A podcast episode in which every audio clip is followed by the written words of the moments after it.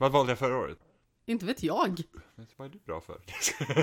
Ursäkta mig. Jag skojar bara med Det det. var jag som grundade den här podden. Det är vad jag är bra för.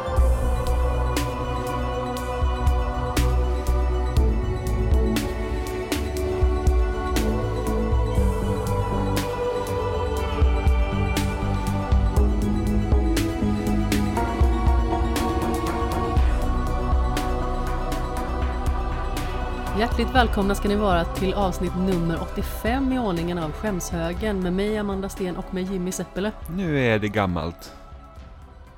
Vem är gammal? Avsnitten. 85, det är mycket. Ja, Jag trodde du menade att jag var Ja, ja, gammal. nu är du gammal. Ja, gud, som en trasa.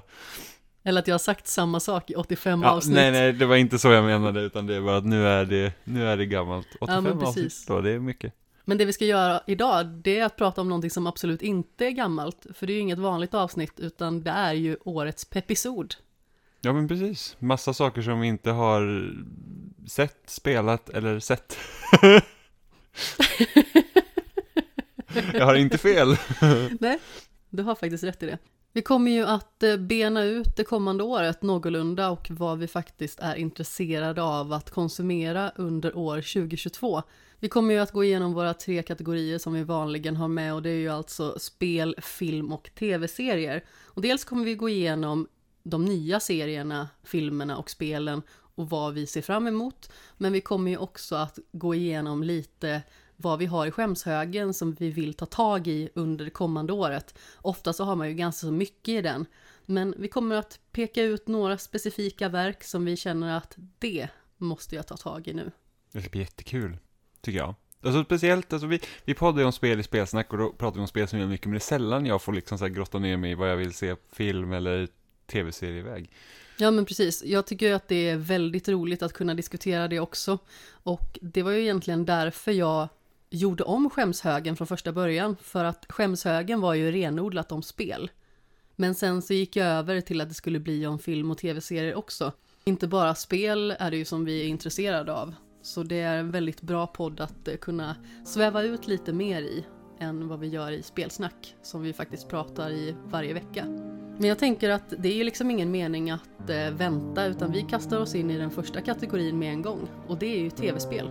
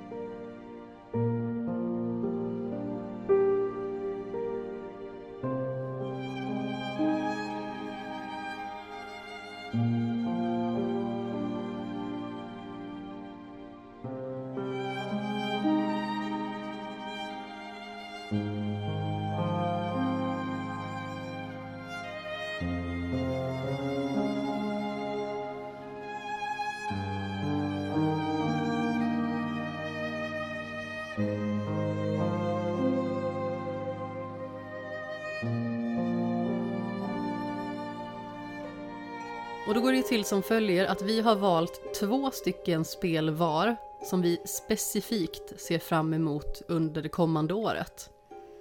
Och då vill jag veta Jimmy, vilket är det första av dina två spel? Mitt första spel är, vad ska man säga, det är ett nygammalt spel egentligen för att det är en remake av två titlar som kom ut tidigt 2000-tal. Och det är Advance Wars Reboot Camp. Eh, och för de som inte vet så Advance Wars är en gammal strategispelserie. Där man, som, är, som är turordningsbaserad egentligen, så att man har ah, från två till fyra lag som slåss mot varandra och där man tar över byggnader och eh, får resurser så man kan bygga fler enheter och så har man infanteri och, och, och tanks och flygplan och allt möjligt liksom. Eh, och så har man en commander som ofta har olika förmågor och sånt. Eh, och jag har egentligen inte spelat det första eller andra spelet som det här spelet är en remake på, utan jag började med Dual Strike som var det tredje spelet.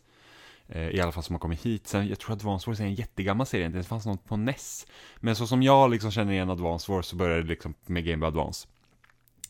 Så jag säger tredje spelet i Dual Strike. Och sen så kom det, det hade två olika namn, jag tror det hette Dark Conflict i USA och hette Days of Ruin i Sverige. Nej, Sverige, Europa. det är som att Det Sverige, hette det bara i Sverige. bara i Sverige. Marinernas dagar. Eh, nej men eh, Days of Ruin tror jag fick namnet i Europa, eller tvärtom. Jag minns inte. Men eh, de tidigare spelen, de var väldigt färgglada och sånt och det är typ så här. Det är kanske lite så här skevt att tänka så, men krig är kul i princip var det. Och så har du de här olika nationerna som slåss mot varandra, men det är liksom då ingen som dör egentligen. Medan Days of Ruin var typ the, the gritty reboot, där liksom allt var skitmörkt och deprimerande och det är typ så här bara, världen suger typ. Eh, men de tidiga Advance Wars, så det är, liksom, det är lite en annan take på strategigenren egentligen. Att det, det behöver liksom inte vara det här mörka, utan det är så att äh, vi, vi, liksom, vi lajar runt lite och skjuter kanoner på varandra i princip. Vilket, vilket kan vara ganska härligt igen, för det är strategidelen som är, som är det roliga där. Och det har man liksom typ spelat Fire Emblem och sånt så känner man igen det därifrån, för det är typ samma rutnät. Eh, men du har liksom inga heroes ute på planen, utan det är ju liksom enheter som man bygger. Eh, och sen så har du liksom att vissa fordon är bättre mot flygplan och, och, och liksom hela den liksom treenigheten igen. Så att man hela tiden får tänka liksom vad är det man ska skicka ut och vad är det man ska dra tillbaka. Eh, och alltså jag har ju spelat Dual Strike, jag har ju spelat så himla mycket så jag och min kompis Robin vi brukade ju Alltså vi kunde sitta upp hela nätter och bara köra runda efter runda i Dual Strike liksom. Typ, det var någon dålig film på typ TV1000 och sen så typ satt man och spelade Dual, eh, Dual Strike mot varandra. Jag vann mest, till Robins förtret. Men det, jag, jag ser jättemycket fram emot det, för det här är en serie som den, den har liksom varit död nu i snart typ Alltså 15 år har det inte kommit typ ett nytt spel. Jag tror Days of Ruin kom 2000 kan 2007, 2008? Det är jättelänge sedan, så att jag hoppas att det här spelet kommer sälja som fan. Precis som när eh, Fire Emblem Awakening kom, att det sålde som smör och sen har vi fått liksom hur mycket Fire Emblem-spel som helst. Jag hoppas att vi liksom kan få ett nytt Advance Wars efter det som inte är en remake utan som är ett nytt spel. Men jag är superpeppad på det här verkligen. Om det skulle komma ett nytt Advance Wars, vad vill du ha av det? I en perfekt värld så hade de slopat den här fula 3D-grafiken de har i remaken och eh, kör på, på pixlar igen. Alltså jag tycker de nya spelen, alltså, så här, jag spelar inte egentligen någon roll hur det ser ut för att det är egentligen Advance Wars, men det är bara att den nya grafikstilen är så himla mycket fulare. Den är yxful faktiskt. Eh, jag hade till och med hellre sett att de hade gjort det typ, alltså helt tecknat. Så att det är typ den concept art som finns i de tidigare spelen, att den hade varit, det är så allt ser ut. Allt, alla enheter, allting. Typ Advance Wars eh, slash Paper Mario typ. Det, det hade kunnat se ut så, men alltså jag, nej, jag tycker det ser så billig 3D ut liksom. Så att det, ja, jag vet, det kanske kommer se jättebra ut i rörelse. Det är väl typ det jag hade hoppats, men eh, Alltså jag vill egentligen bara ett bra strategispel. Det är liksom det jag ser fram emot och då, passar det egentligen perfekt att de gör remake för att det de två första spelen, vad jag vet, ska ju vara riktigt, riktigt bra. Eh, så hade det kommit ett nytt spel så visst, det, en ny kampanj, nya enheter, kanske man kunnat komma till, liksom tänka lite runt hur de ska kunna fixa det. Jag vet faktiskt inte. Jag är bara så glad att det kommer ett Advance Wars överlag. Tror du att även jag som är lite så här smygstrategispelare skulle uppskatta det? Ja, det tror jag. Jag håller tummarna. För det, alltså, ja. Ja men som sagt, alltså, du, de två första spelen finns ju på Wii U till exempel, så man kan köpa dem på Virtual Console. Ehm, men de är, alltså det, det, det är kanon verkligen, det är, skit, det är skitroligt. Mitt första spel är ju utan tvekan Horizon Forbidden West. Säger du det? Det är väl ingen som är överraskad överhuvudtaget över det här. Det är 16 dagar kvar för övrigt, tills att det släpps. Det är bara två veckor alltså tills det släpps. Det stämmer. Gud vad tiden går fort, jag blir typ jättestressad i mitt huvud nu. Och jag vill ju bara spela det här. Jag är så otroligt exalterad och framförallt med den upptrappningen vi hade när vi spelade om Horizon Zero Dawn. Vi tog Platinum, vi verkligen grottade ner oss i världen, hittade system som fungerade för oss, hittade nya utmaningar. Det kände jag gjorde mig kanske lite bättre som spelare, även att jag var ganska förbittrad på vissa ställen. Men det visade ju sig att ofta så klarade det bara jag verkligen var envis nog. Amanda klarade inte på första försöket, så bara, det här kommer aldrig gå! Ja, jag var faktiskt ganska så purken där ett tag. Ja, och jag bara, det kommer vi visst klara. Jag klarar inte heller allt på första försöket. Det tog mig jättemånga försök på vissa grejer. Sen första försöket var väl kanske lite överdrivet. Jag Jag hade suttit med det ett litet tag. Du överdriver Nej, aldrig jag med. vet inte hur man gör. Nej men precis, jag skulle snarare säga att överdrift är ditt mellannamn. Du är en av de mest dramatiska personer jag känner. Vilket påhopp! Hur kan du? Vilket ljug! Ja, jag ber om ursäkt för detta enorma påhopp. Ja, karaktärsmord. Men åter till Horizon. I alla fall så känner jag att det jag vill att de ska kunna ha fokuserat på, det är ju att fortsätta ha en berättelse som engagerar. Det kände jag i första spelet var så otroligt spännande att få veta vad som har hänt med världen, hur det blev som det blev, vem Aloy är, hur det kom sig liksom att hon blev en sån viktig person i hela den här eh, post-post-apokalypsen. Så jag känner att jag hoppas att de lyckas med berättelsen återigen för att den slog väldigt hårt när det första spelet kom. Och sen naturligtvis, alltså det ser magiskt ut. Jag vill bara ha det spelet nu. Jag vill sätta tänderna i det och bara sitta och plöja spelet i timmar i sträck. Jag är så otroligt exalterad och sugen på att spela och jag kan liksom inte riktigt fokusera på många andra spel just nu bara för att jag helt enkelt bara vill spela Horizon. Och det första spelet, man kan verkligen inte se att det är fem år gammalt. Det är väldigt tjusigt fortfarande faktiskt. Det är så otroligt snyggt, det är så välpolerat. Det som jag tycker ska bli intressant, det är ju att utvecklarna har gått ut med att de har gjort både fiender som är mänskliga och de här robotfienderna lite mer avancerade. Så att de kommer röra sig mer naturligt och de kommer respondera på ett bättre sätt gentemot din karaktär. Det är ändå intressant så här med, med, eh, för att ens, alltså jag tycker det är intressant med berättelsen det här liksom att, och vad har hänt med världen egentligen. Samtidigt tycker jag att det är lite synd att första spelet fokuserar liksom på att, åh nej, om det här händer så kommer världen gå under igen, typ. Liksom att det är huvud, liksom, att du har en sån stor världsomvälvande del. Jag hade, jag hade ju typ älskat om det bara handlade om att hon skulle hitta sig själv.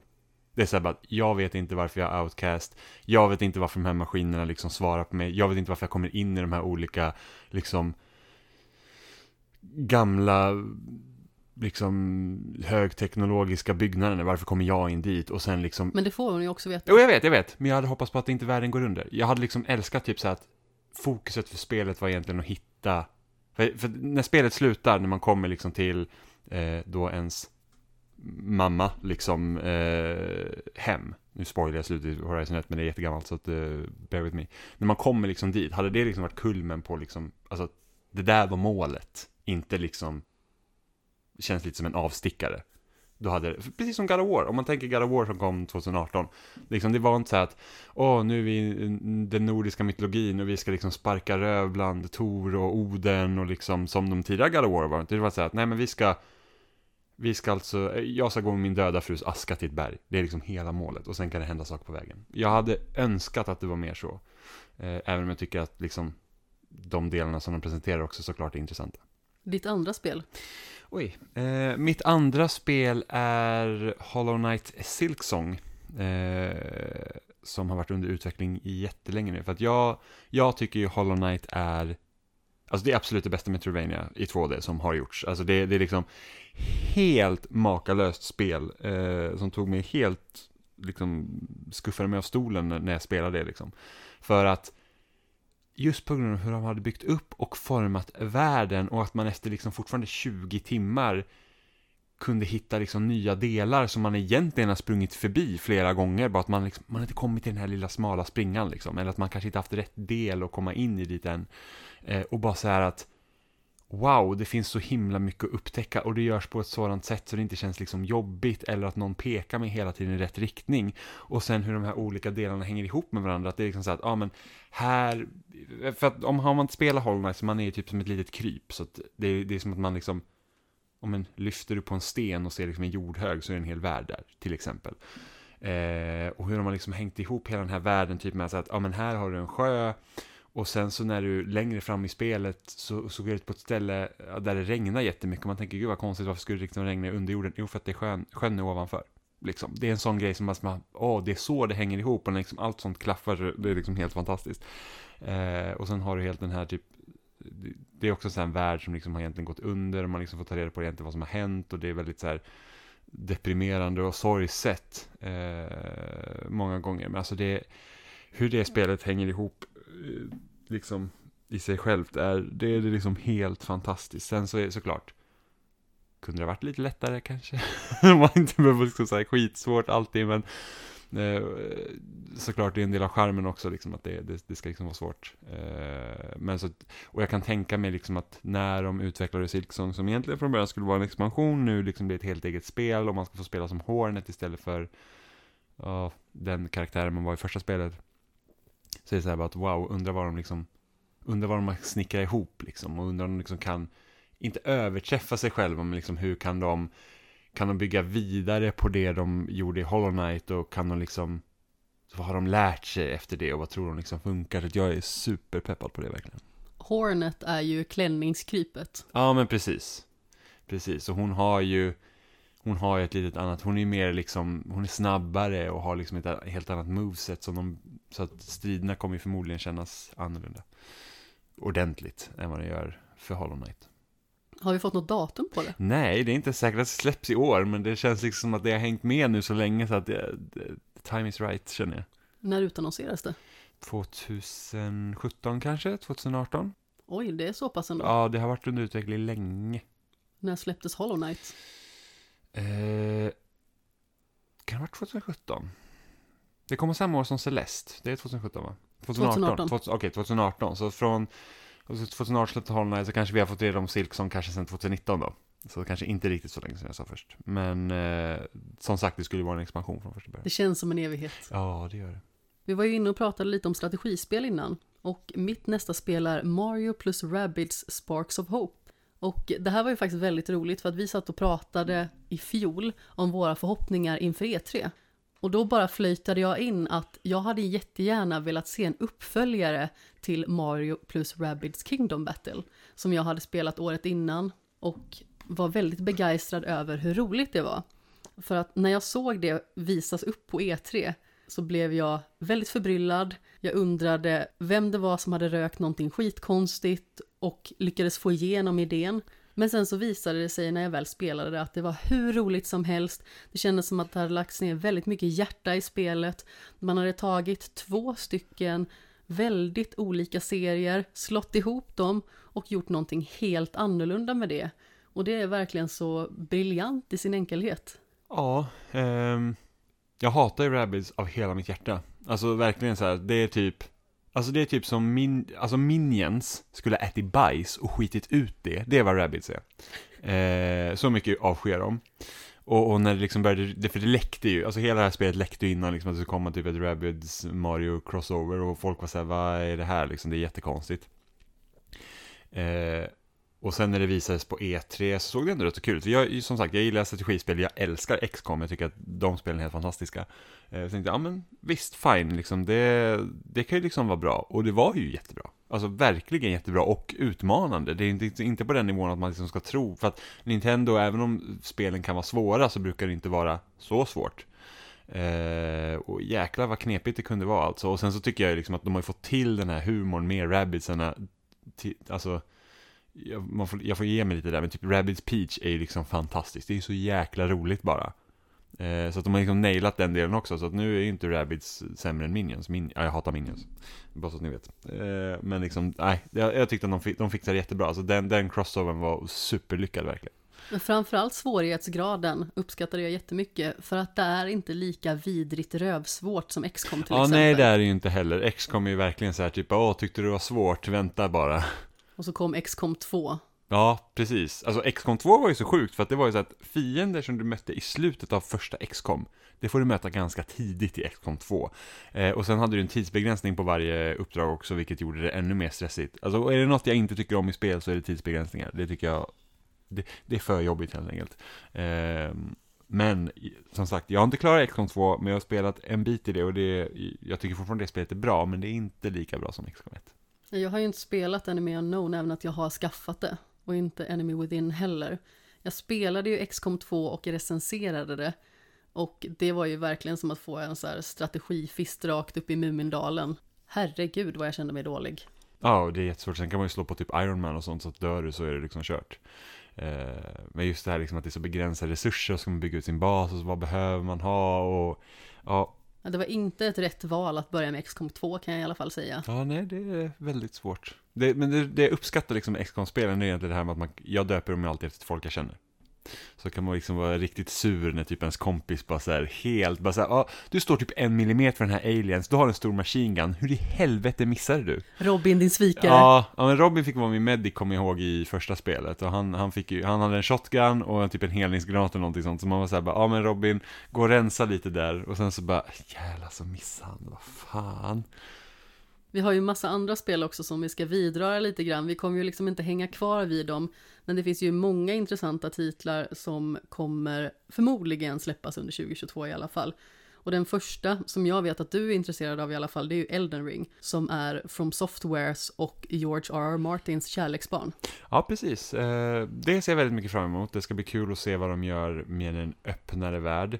Eh, kan också göra en nervös med tanke på att deras sätt att bygga upp sina världar i tidigare spel är ju väldigt liksom de känns inte så begränsade som de är och de hänger ihop på ett väldigt bra sätt. Speciellt Bloodborne känns det liksom att du kan gå från det känns som att du kan liksom gå igenom hela Yarnum liksom till alla olika delarna i ett svep, även om man kanske inte kan det. Eh, och det vet jag att många gillar ju med första Dark Souls också, hur, hur liksom världen sitter ihop. Eh, när det blir så öppet så är det ju, risken finns ju liksom att det blir massa tom yta och, och liksom att mycket hoppar fram och tillbaka och sådär. Så att man får se helt enkelt. Eh, sen så vet inte jag, det är intressant det här liksom man har George R.R. Martin som någon form av liksom, om lite så här, inte stöttepelare, men liksom att åh, titta vad vi har fått. För jag tycker att sättet de berättar berättelserna i deras tidigare spel, liksom, jag tycker att det är mer än tillräckligt bra. Eh, jag kommer ihåg när jag hade spelat Sekiro, liksom, så liknade det nästan vid liksom, hur lågmält berättandet var, att det liknade nästan så här poesi typ.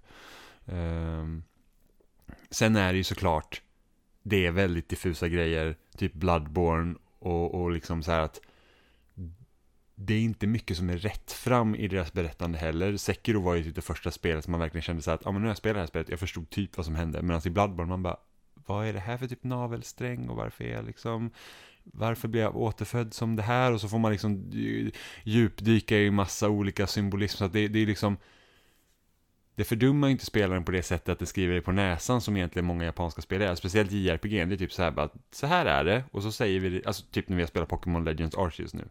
Arceus. Det är så här typ, ni babblar så jävla mycket och ingenting är vettigt typ. Eller typ ta Kingdom Hearts, det är också så ett jäkla massa dravel. Man säger bara, alltså kom igen, bara liksom kom till saken. Ehm... Om moralkaka var ett spel. Ja, ja men precis, och så Friendship is Magic, det är liksom hu huvudpunkten för varenda JRPG. Det är så bara, vi kan klara allt, bara vi tillsammans, oh, liksom. Ehm, så, så är ju, alltså, From Software-spel liknar ändå några av liksom mina typ så här favorit manga-serier eh, som inte är gjorda för shonen-publiken och för alla de är samma sak. Eh, där man liksom verkligen så här, mm, det, det är liksom, vad ska man säga, man använder inte spel som en konstform. Eh, just med att det är så här att du behöver inte skrivas på näsan. Vi finns tolkningsutrymme här och vi kör väldigt mycket med symbolism, vilket jag gillar. Så vi får, vi får se hur det är med, med Elden Ring. Det är i alla fall kul att spela spelen och supersvårt. Lex Demon Souls. När jag typ höll på att få ett bryt. Det är något av de mest fantastiska sorgebryten jag någonsin har sett.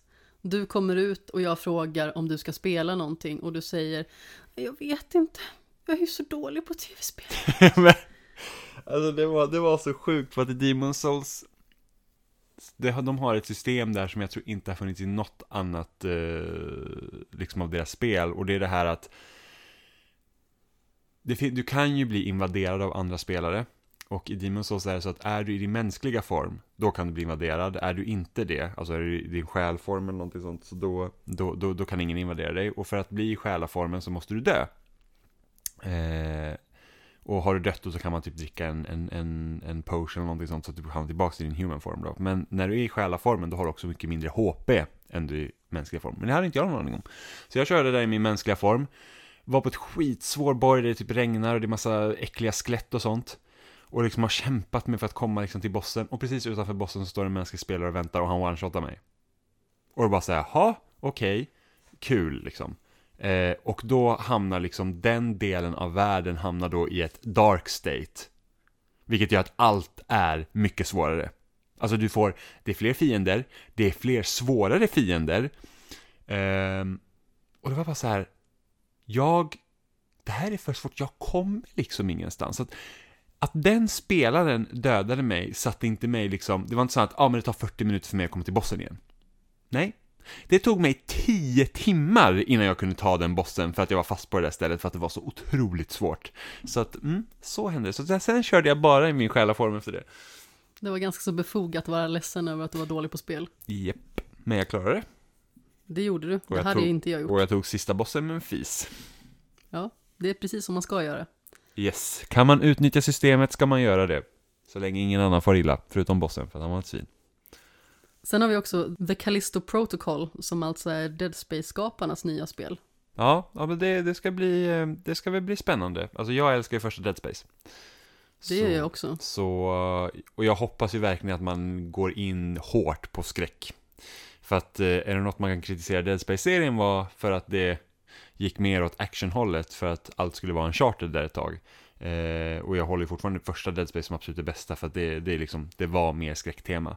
Eh, tvåan körde ju fortfarande mycket på det, eh, det, de beatsen men liksom efter halva spelet så börjar gå mer och mer åt action och det är såklart, det är svårt att göra samma fiender lika läskiga igen när man har igenkänningsfaktorn. Och sen trean var ju bara blaha liksom. Men det är ofta samma i populärkultur i allmänhet. Det är ju likadant när vi går på till exempel tv-serier eller filmer. Ofta så är det ju det första som är läskigast, för där har man ovissheten. Ja, jo, men precis. Och det är liksom, och är det något som första Dead Space gjorde bra, det var ju verkligen att spela med spelarens känslor. Var så här att, hmm, här ser det ut att kunna vara läskigt. Och så, så, det bara, så spänner man sig och bara så här, shit, det kommer hända någonting. Och det händer ingenting. Och man bara, jag var ändå rädd. Så att liksom det här att man kan hela tiden, man leker med spelarens förväntningar över vad man tror ska hända för att man har ju liksom olika referensramar från skräckserier, skräckfilm, skräckspel över att jag vet att den här långa korridoren nu kommer erbjuda på någonting läskigt för att jag har spelat spel förut. Och så händer ingenting. Men jag har fortfarande varit rädd. Och, de, och liksom, ja, det är helt fantastiskt. Jag hoppas, hoppas, hoppas att Callisto Protocol blir riktigt skitläskigt alltså. Det vet jag inte riktigt om jag hoppas på, men om du är glad så är jag det.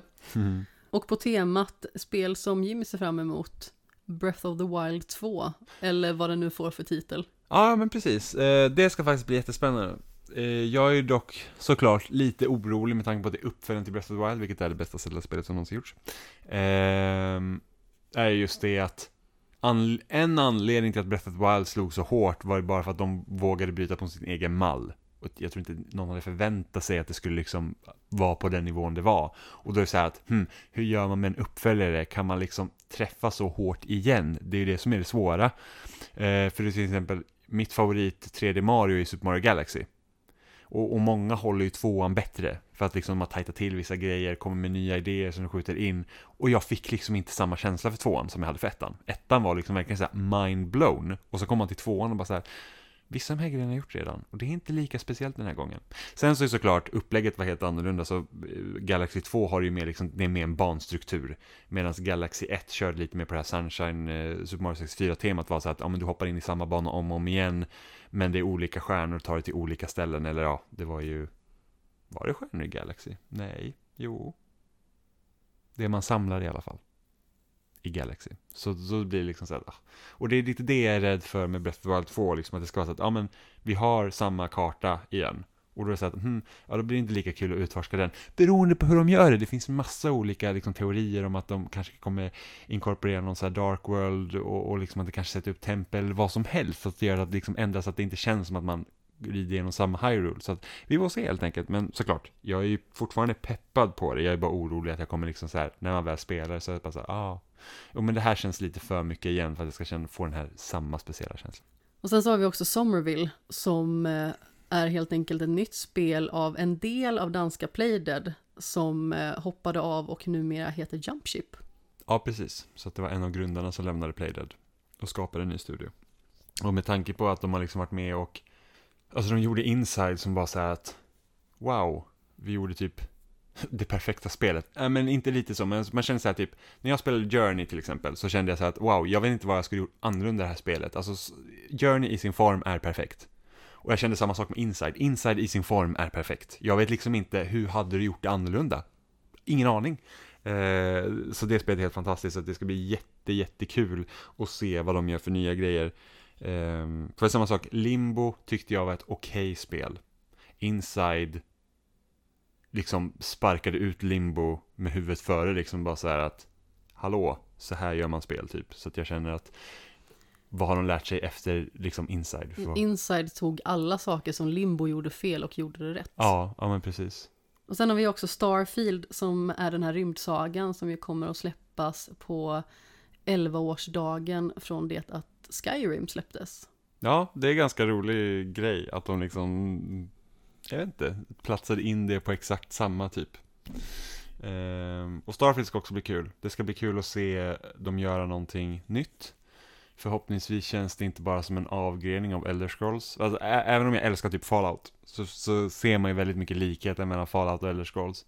Och jag hade gärna sett att det inte blir så här Elder Scrolls, Fallout och Starfield känns som att de är stöpta i samma mall, bara att man med några liksom egentligen skillnader. Eh, så att vi får se hur de gör egentligen. Eh, och sen är det ju den här, det jag oroar mig mest för egentligen, det är hur de ska bygga upp världen med olika planeter. För det är alltid risken när man kör liksom en rymdsaga är ju det att Skyrim är ju till exempel en hel karta, så du kan ju gå från ena liksom sidan till den andra. Fallout har också en, en enhetlig karta, så du kan gå från ena sidan till den andra. Eh, men hur stora kommer liksom, när du åker till en viss planet, hur stor kommer den miljön vara? Liksom, finns det vissa planeter som kanske bara är en stad och då känns det lite här, ja det är lite tråkigt ändå, även om jag förstår varför man måste ha begränsningarna. Men det, det beror helt på hur de gör det. Men friheten har ju alltid varit en nyckelpelare i eh, Elder Scrolls och Fallout. Och den aspekten får de gärna hålla kvar i Starfield tycker jag. Eh, men det är frågan, det, risken finns ju där när man delar upp det på olika planeter, att det inte kommer kännas lika. För så är det till exempel om man tittar på The Outer Worlds, eh, som i princip är som ett Fallout i rymden.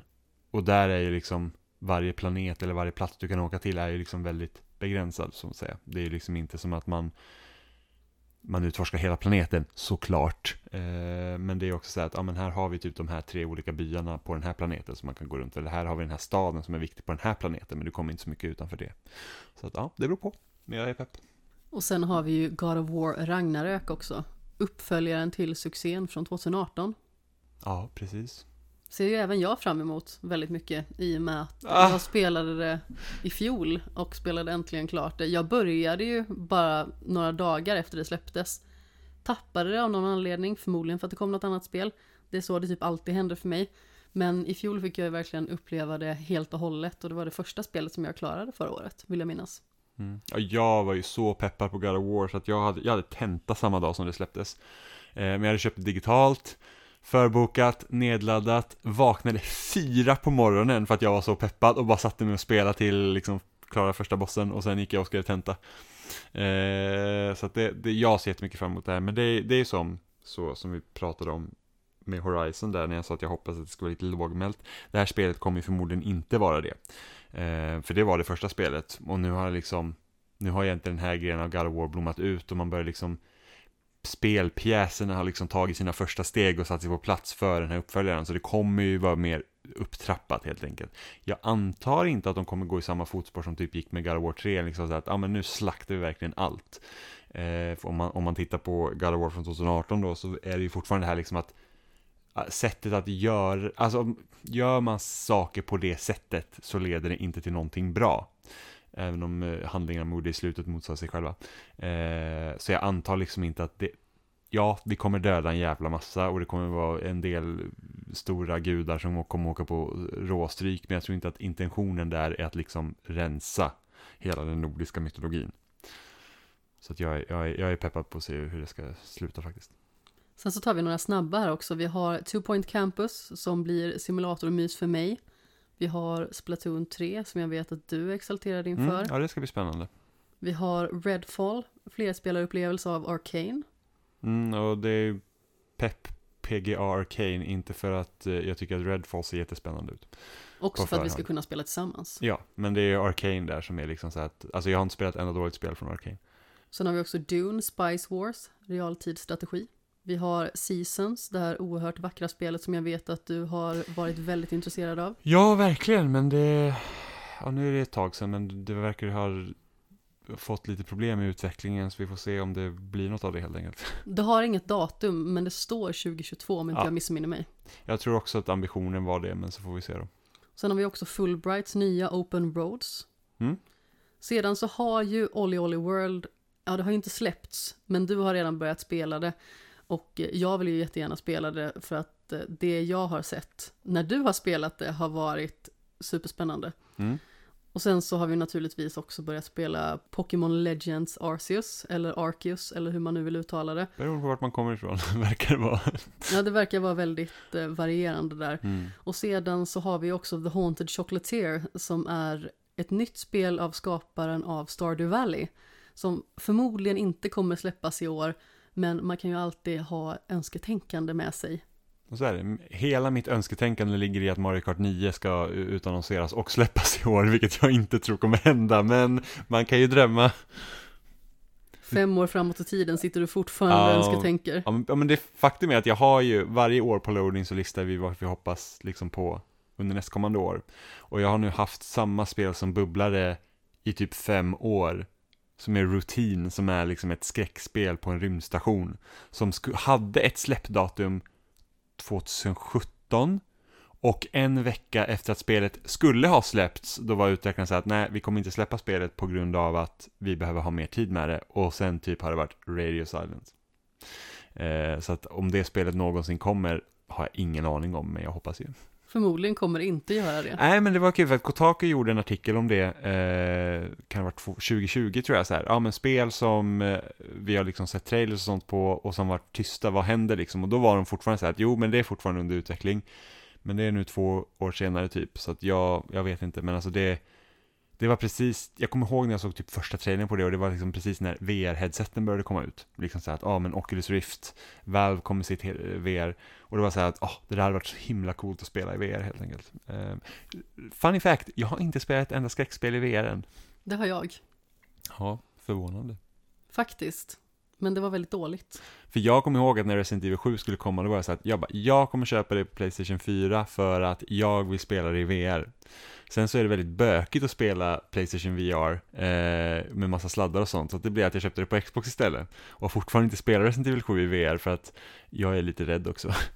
Jag spelade ju eh, The Impatient i VR, jag och min gode vän Tobbe Fix. Och det var verkligen fruktansvärt dåligt på många sätt och vis. Det fanns liksom vissa saker som var ganska spännande och skrämmande. Och då var det helt enkelt att man stod och kollade in i ett form av dockhus. Och så kollar man och så ser man en liten figur och tänker att ha, det är ju jag.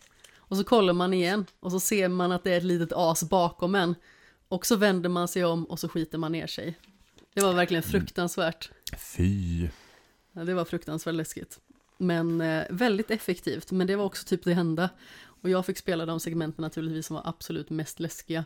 Tobbe var mest under soffan och lajade av någon anledning för att eh, de här eh, handkontrollerna som han använde sig av fungerade typ inte alls. Så de tappade mottagning eller vad man ska säga. Ja, det är som när jag stoppar min trådlösa Xbox-kontroll på vårt bord i aluminium, eller vad är det för material? Inte vet jag. Någon metall är det i alla fall, vilket gör att så fort jag stoppar ner kontrollen så förlorar den connection till min Xbox av någon anledning. Den slår ut bluetooth-signalen. Skitkonstigt. Men vi ska naturligtvis prata lite skämshög också, Jimmy. Vilket är det absolut viktigaste skämshögspelet för dig i år? Ja, det här har ju hängt med länge nu och det är Disco Elysium. Det är så att när det här spelet kom 2019 så lät det verkligen så att det där är ett spel jag tror att jag skulle älska och jag köpte det på PC. Men jag spelar inte så ofta på PC så det blir liksom inte av att jag, jag spelar det, även om jag äger det där. Och sen så började det tissla och tassla som konsolversionerna och jag bara, ja ah, men jag, jag kör den. När det kommer till konsol så spelar jag det. Och så kom det till konsol förra våren.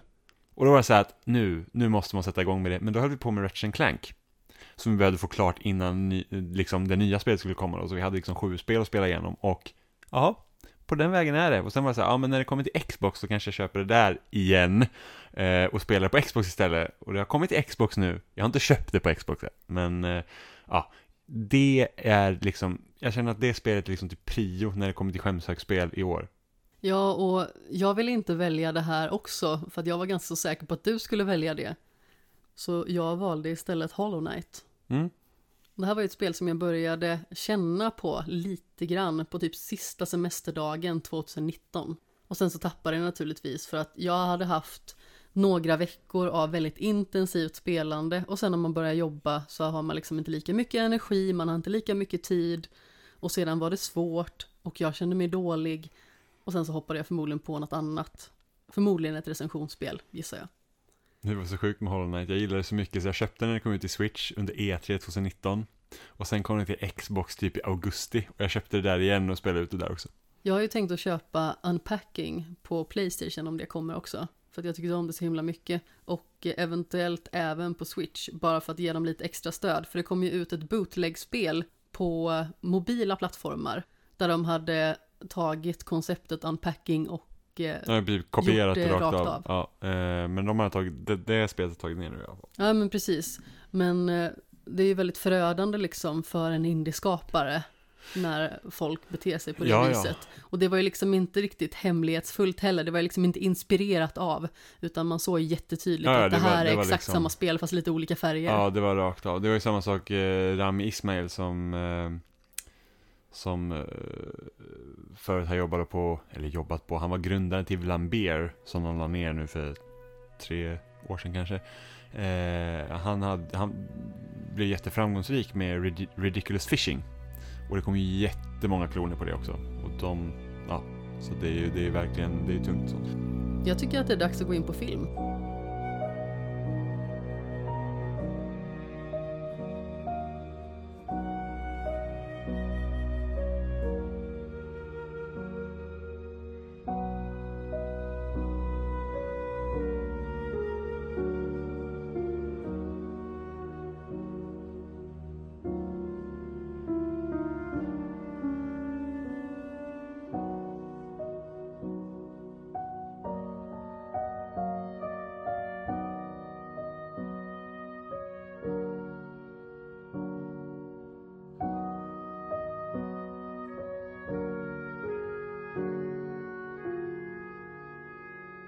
Och då ställer jag den gyllene frågan återigen.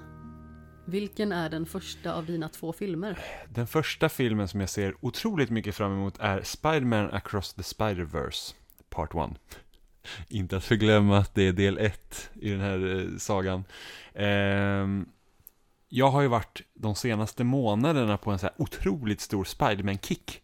För att jag var så här, jag gillar Spider-Man och jag vet att Marvel Unlimited har liksom typ alla serier för Marvel-universumet liksom i appen. Och jag bara, jag ska läsa Spider-Man från början. Så att jag har liksom läst, alltså Spider-Man-tidningar från 60-talet och nu är jag på 1977.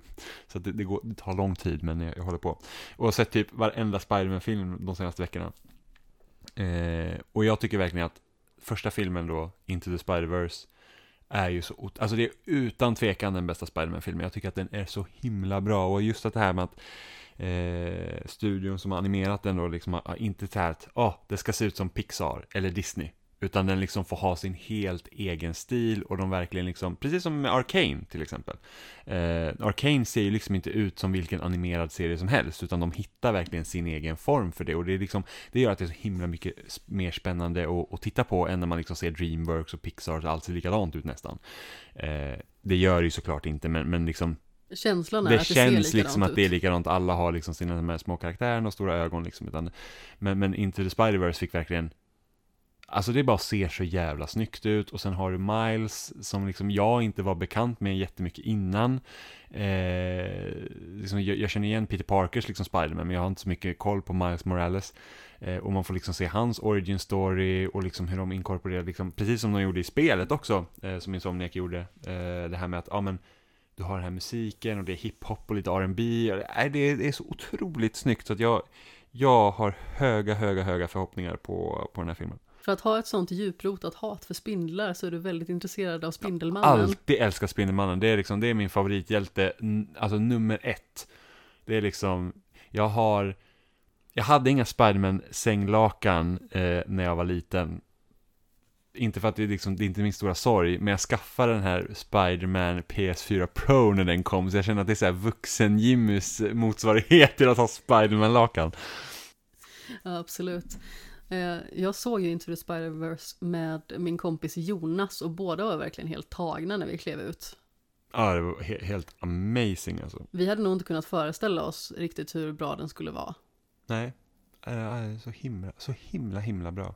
Även jag kommer gå in på superhjältespåret. Även att det kanske är lite mer mörkt och eh, hotfullt i relation till vad Spindelmannen är som ändå är ganska så lekfullt, även att det finns sorgliga teman såklart.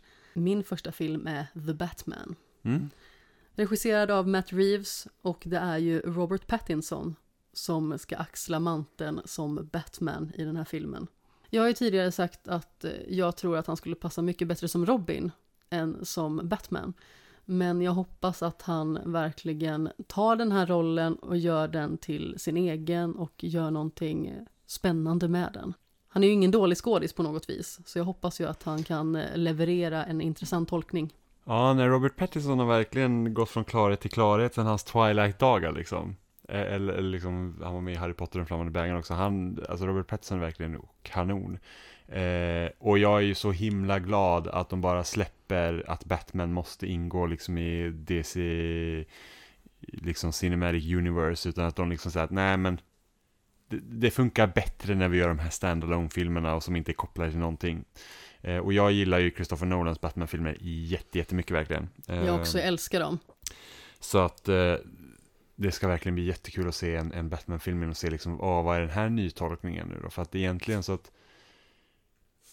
ja, nej men det, det ska bli spännande och det är en liten annan take också av Batman. Det känns liksom lite som en blandning av serietidningsestetiken och Nolans Batman-filmer egentligen.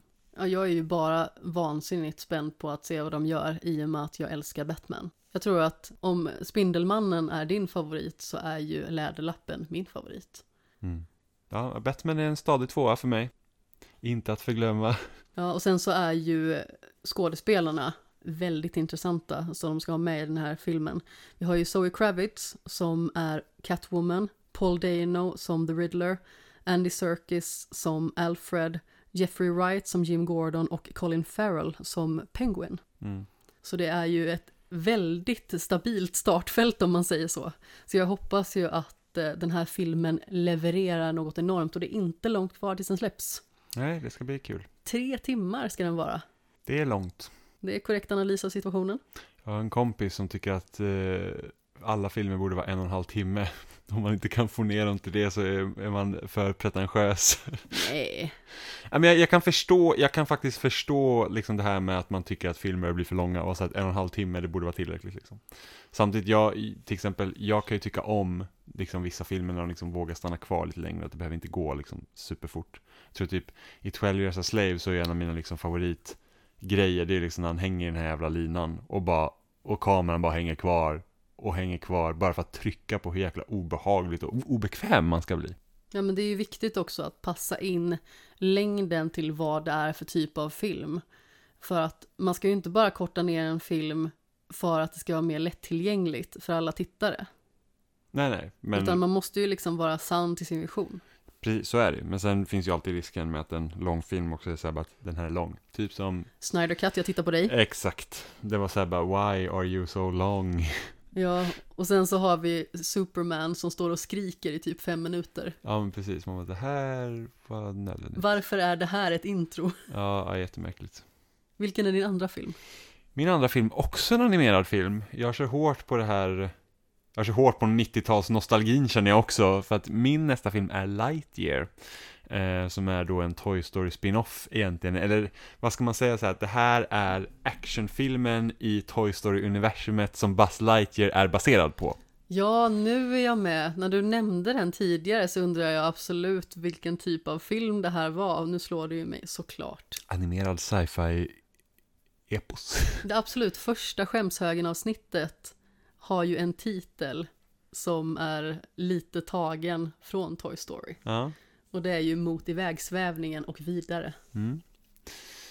Jag, alltså jag verkligen, älskar verkligen Toy Story när jag var liten och liksom det fanns ju alltid den här drömmen om att ja, mina leksaker lever. Så jag, jag vet att jag och min eh, kompis Sofie, vi brukade alltid liksom så här när vi lekte med leksaker, så var det så här, okej, nu lämnar vi leksakerna här och så smyger vi ut ur rummet. Och så väntar vi och så kollar vi liksom ifall de börjar leva. Jag kan se dig göra det även liksom typ så här i 20 Ja, ja, årsåldern. precis, man vet aldrig. Eh, och jag älskar ju verkligen Buzz Lightyear också. Jag hade eh, en sån här, ja men, jag hade i princip en replika, eller jag hade Buzz Lightyear-figuren liksom, som sen kom i den här liksom, rymdskeppet och sen var den liksom så stor. Eh, Jag hade småfigurer. Ja, okej. Sådana som liksom var hålla i handen stora. Ja, precis. Nej, min var ju, min var ju verkligen liksom stor, stor. Eh, och den enda Toy Story liksom leksaken jag någonsin haft, för att jag gillade Buzz Lightyear så himla mycket. Eh, och jag tycker att den här, jag tycker att det är en ganska intressant idé att man liksom väljer att göra den här filmen. Eh, jag vet ju att när, när trailern kom ut och många var så här, men hur går det här ihop med, med liksom, hur, hur går det här ihop med Toy Story-universumet? Liksom, är de så en avancerad eh, civilisation, liksom, så att de har typ rymd, liksom resor på den här nivån? Och så man bara, nej men det här, det här är precis som att, det här är precis som att vi går och ser typ Star Wars, liksom. Det, det, det är vad Lightyear är i det här universumet, det är liksom en actionfilm eller en, en, en, en film helt enkelt. Så att jag, jag, jag tycker, alltså jag tycker bara den trailern som jag har sett, jag tycker den ser amazing ut, så jag hoppas att den är bra. Jag håller tummarna. Min nästa film är Nightmare Alley. Och det är ju Guillermo del Toros nya film. En thriller med bland annat Bradley Cooper, Kate Blanchett, Tony Collette, Willem Dafoe och Rooney Mara. Så även där är det väldigt många starka skådespelare. Och eh, Del Toro har ju gjort en del filmer tidigare som ligger mig väldigt varmt om hjärtat, till exempel Pans labyrint och eh, The Shape of Water. Så jag hoppas ju att han fortsätter lite på det spåret, liksom det här skrämmande obehagliga, men som också är finstämt. För att allting behöver liksom inte vara att man kastar det i ansiktet på folk. Och jag tycker att stilmässigt så brukar hans filmer också hålla väldigt hög klass. De är så otroligt snygga, kostymerna är så ruskigt fina, verkligen. Så den ser jag fram emot enormt mycket. Och sen så har vi ju fler intressanta titlar. Vi har ju Nope, Jordan Peels nya, med Daniel Kaluuya, Kiki Palmer, Steven Yeun och Barbie Ferreira. Mm, ja, den ser jag väldigt mycket fram emot. Och sen har vi ju nya Scream-filmen. Ja, och den ser jag också väldigt mycket fram emot med tanke på att den har fått så himla bra betyg, vilket känns helt chockande. Jag kommer inte ihåg om Scream 4 fick så här, den var väl okej okay, tror jag, och den har jag inte sett. Eh, men jag, alltså första Scream är typ första skräckfilmen jag såg. Så att eh, det är ju jättekul liksom att den här nya filmen då ska vara superbra, så den ser jag väldigt mycket fram emot. Hade någon sagt till mig att 2022 så kommer det komma en Scream-film som du kommer vara jätteintresserad av, då hade inte jag trott på den personen. Ja, nej, precis. Första filmen tycker jag var superspännande. Eh, tvåan är nog min favorit. Trean är värdelös, fyran har jag inte sett. Just på recensionerna och på trailern kände jag verkligen att det här är någonting som jag vill återbesöka. Så vi kommer ju att kolla igenom alla de fyra föregående filmerna inför femman. Ja men precis, jag har ju beställt, eller vi fick hem Scream-trilogin då som 1, 2 och 3 och sen väntar jag fortfarande på Scream 4 som inte har kommit, jag förstår inte varför det tar så lång tid. Sen så har vi också Bones and All, Luca Guadagninos nya film med bland annat Timothy Chalamet och eh, Michael Stuhlbarg. Sen har vi också Babylon, Damien Chazelles nya med bland annat Brad Pitt och Margot Robbie. Och därefter så har vi Canterbury Glass, Christian Bale, Margot Robbie, John David Washington, Rami Malek, Zoe Saldana. Och sen har vi ju en som jag tror att du kanske ser fram emot mer än jag och det är Knives Out 2. Ja men det är faktiskt, jag, jag tyckte den första Knives Out var riktigt bra. Alltså så det, det ska bli jättekul. Sen så tycker jag det är lite synd att de inte körde samma ensemble-cast i tvåan, liksom bara så att, ja ah, men vi kör exakt samma skådespelare i nya roller. Eh, förutom då att den enda gemensamma nämnaren är egentligen eh, Daniel Craigs eh, roll, som är liksom den här detektiven. Eh, som jag inte minns vad han heter nu. Men eh, att liksom han är fortfarande samma roll medan alla andra har fått nya. Men det blir väl en ny ensemblecast. Så att det, det Edward Norton bland annat är med. Ja, Edward Norton har, ger jag inte mycket för. Jaså, varför inte då? För att han ska vara ett svin att jobba med. det är ja, typ okay, ja det är ju lite jobbigt kanske. Ja, det var typ, jag tror det var, för att han var egentligen Hulken i MCU. Eh, och han var riktigt dryg, så därför fick han typ inte fortsätta, och så fick vi Mark Ruffalo istället. Och Mark Ruffalo är ju kanon liksom. Ja, absolut. Jag tycker han fungerar jättebra som Hulken. Väldigt sympatisk ja. som eh, Bruce Banner. Ja, verkligen. Och sen så har vi också, apropå Marvel, Doctor Strange in the Multiverse of Madness. Endast väldigt intresserad av den här bara för att när vi såg den senaste Spiderman-filmen så kändes det som att de byggde upp för den här filmen mer än för någonting annat. Ja men precis, de väver ihop det här nu med att man har liksom öppnat olika tidslinjer och sånt och eh, och det är ju någonting som, hittills tycker jag de har skött det rätt så bra. Det beror lite på hur de liksom, hur kommer tv-serierna påverka till exempel som Loki och WandaVision är ju väldigt centrala delar i var, liksom, vad som har hänt. Eh, så att det inte blir för rörigt. Eh, och det finns ju risk, alltså det finns ju jättemycket rykten om Multiverse of Madness. Det ska liksom vara en, en rad olika skådespelare som kommer in och spelar liksom olika varianter av eh, superhjältar liksom. Så, typ så här, eh, ja men, bara något så här, att Tom Cruise ska komma in och vara Iron Man jag tror inte att det kommer hända liksom. Men, eh, men liksom sådana grejer och då är jag så här att, ja ah, visst det kan vara kul att glimta förbi lite men liksom så att bara inte liksom blir helt plötsligt för stort så att det är svårt att hålla koll på. Risken är ju att det blir att man tar det ett steg för långt. Ja. Att det slår över. Ja men precis, skitkul som de gjorde i Spiderman till exempel. Eh, det, det tyckte jag fungerade jättebra. Men eh, det är också liksom för en franchise, liksom, tänk, tänk som man får se Leslie Snipes Blade komma in och det är liksom så här, ah, Ja. Men sen så älskar jag ju också Benedict Cumberbatch och jag tycker att han gör en väldigt bra roll som Stephen Strange. Däremot så tyckte jag att första Doctor Strange-filmen inte var så otroligt bra som jag hade hoppats att den skulle vara. Ja, nej, nej, jag tycker att Doctor Strange kommer först in till sin rätt när han liksom varit med i Avengers-filmerna. Absolut. Där har han gjort sig som allra bäst. Och sen slutligen har vi också Killers of the Flower Moon som är Martin Scorseses nästa film. Med Leonardo DiCaprio, Robert De Niro, Jesse Plemons och även Brendan Fraser. Ja, det, det, ska bli, det ska bli kul faktiskt för att... En väldigt spännande överraskning. Ja, han har inte haft det lätt. Nej, det har varit väldigt många tuffa år för honom. Ja, för att han, han blev typ... Det var ju någon stor sån här Hollywood-mupp som... Eh, som, ja men som liksom så här, i princip antastade honom. Och så han var så här, nej det, det är liksom så att det där liksom är ju inte okej. Okay. Och sen liksom typ blev svartlistad på grund av att den här personen hade så mycket makt. Och det är därför han var borta från rampljuset så länge. Fruktansvärt verkligen. Ja, och det liksom, och där tänker man ändå så att har man vuxit upp på 90-talet så känner man igen Brendan Fraser från liksom Djungel George och Mumin, alltså första Mumin-filmen är Jag tyckte så... först att du sa Mumin. Ja, mu Mumin, ja precis. Brendan Fraser spelade snusmumriken i Mumin.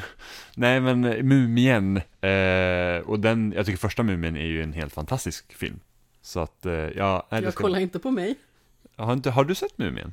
Jag har nog sett den lite halvt när den har gått ja, på tv vi borde se den någon gång. Den är, den är faktiskt den är väldigt rolig. Det är så här det brukar låta. Jag kommer ihåg att den var väldigt rolig, sen vet jag inte hur jag skulle ta den liksom idag. Den var lite läskig också, som Imhotep och, och ja, usch, jätteobehagligt. Men, men eh, ja, det är kul. Liksom, jag tror senast jag såg Brendan Fraser i någonting, ja, förutom Scrubs då, vilket är ju gammalt nu, men det var ju typ den här om det var resan till jordens medelpunkt och så fick man med sina 3D-glasögon så kunde man sätta på så 3D-läge i filmen där det är så här blått eller grönt och rött och så kan man se 3D, så jag och Robin satt med sådana fula glasögon på oss och tittade på hela filmen, det var rätt så kul. Och då ska vi vandra tillbaka till skämshögen igen och eh, jag vill veta vilken din skämshögsfilm är. Ja, jag har ju valt jag bollar lite med den, jag tänkte Indiana Jones, för jag har inte sett de filmerna. Men jag tror jag har valt det något år tidigare och se vad som har hänt. In, inget alls. Eh, så att jag tror jag väljer Aliens i år faktiskt. Jag har sett första Alien-filmen och jag har sett Prometheus, men jag har inte sett Aliens. Och det är många som håller Aliens, liksom antingen tycker att Alien är den bästa, eller tycker Aliens är den bästa. Men just att första Alien är ju renodlad skräck, medan Aliens är en actionfilm. Jag gillar ju mer skräck än action såklart, men jag vill ju ändå se Aliens, jag känner att det är liksom det är ett tomt hål i min, i, i mitt filmtittande. Okej, inte så stort hål, men det, det, jag, jag borde se den. Eh, och jag har ju den, för att när Alien Isolation som kom ut 2014 kom, då köpte jag Alien och Aliens för att jag skulle se dem innan jag spelade spelet. Och så köpte jag spelet, spelade spelet och sen såg jag Alien och sen såg jag inte Aliens. Så det borde har du den fortfarande inplastad? Aliens är fortfarande inplastad. Den har varit inplastad nu i åtta år. Ja, det är starkt jobbat. Ja, det är starkt jobbat. Välbevarad med andra Ja, ord. här slösar man inte på plast. Eller? Ja, har jag köpt det så håller jag det. Det är inte något jag bara slänger i soporna så hamnar i någon soptipp och bränns upp, utan den är där skyddande film kring min film. Miljövänligt.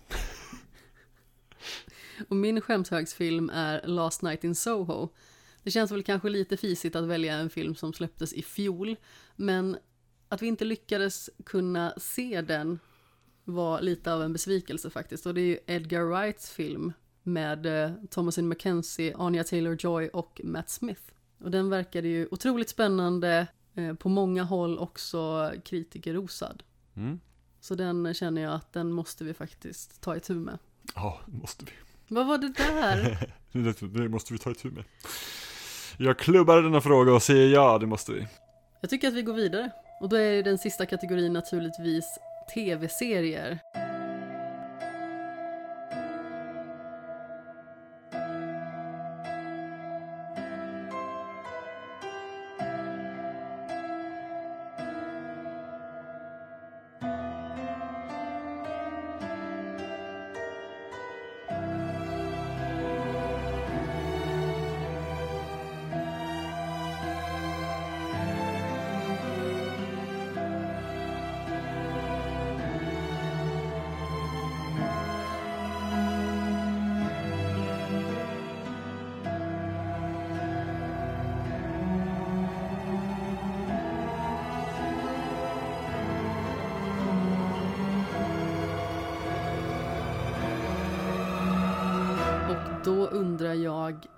Vilken är din första tv-serie som du ser fram emot?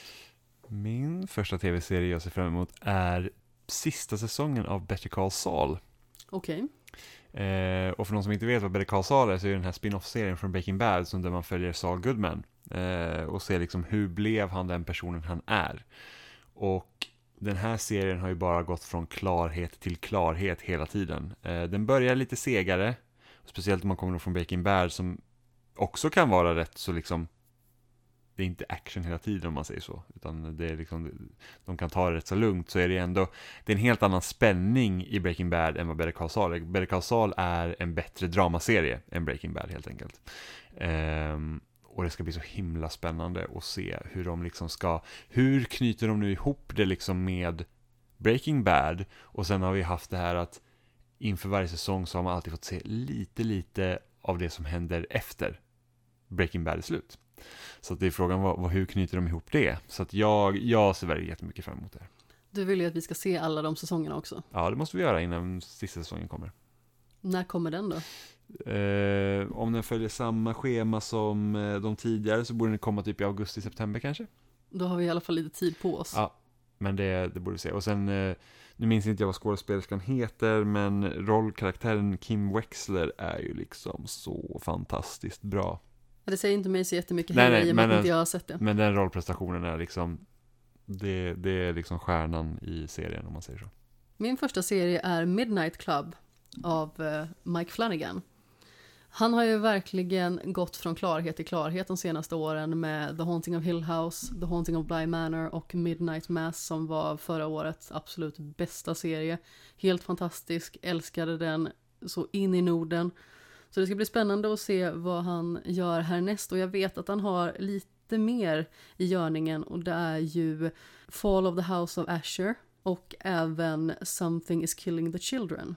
Så jag ser verkligen fram emot vad han kan göra mer för olika typer av serier och eh, hur han med stor sannolikhet då använder de skådisarna som han har knutit band med hittills. För det är ju en sån sak, eh, precis som du tänkte med Nice Out där, som han gör och lite som de gjorde i American Horror Story också, att de använder mycket samma skådespelare, men de spelar olika typer av roller i de olika serierna.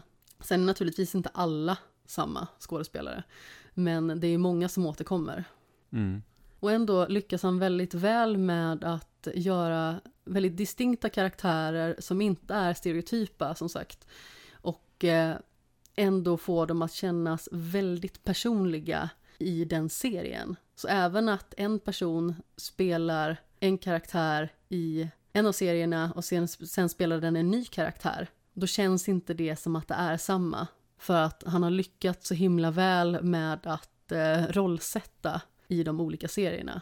Mm. Ja men det är faktiskt en bedrift, det liksom känns aldrig som att man tittar på samma person. Liksom man säger bara, ja men jag köper att det här är en helt annan eh, identitet. Så det, det är verkligen en eloge. Ja men precis, men ta Rahul Kohli till exempel som eh, spelar eh, kocken i Bly Manor. Mm. Och sen så spelar han sheriffen i Midnight Mass. Det är två väldigt olika roller. Det är samma skådespelare. Fantastisk i båda. Mm. Man drar ju liksom inga paralleller mellan dem mer än att det är samma skådespelare. Nej men precis. Och det tycker jag är väldigt imponerande. Och så är det ju i alla fall egentligen. Mm. Även Kate Siegel som är med i alla tre Ja är precis. ju otrolig verkligen. Din andra serie? Min andra serie är Halo. Jaha, Vadå jaha?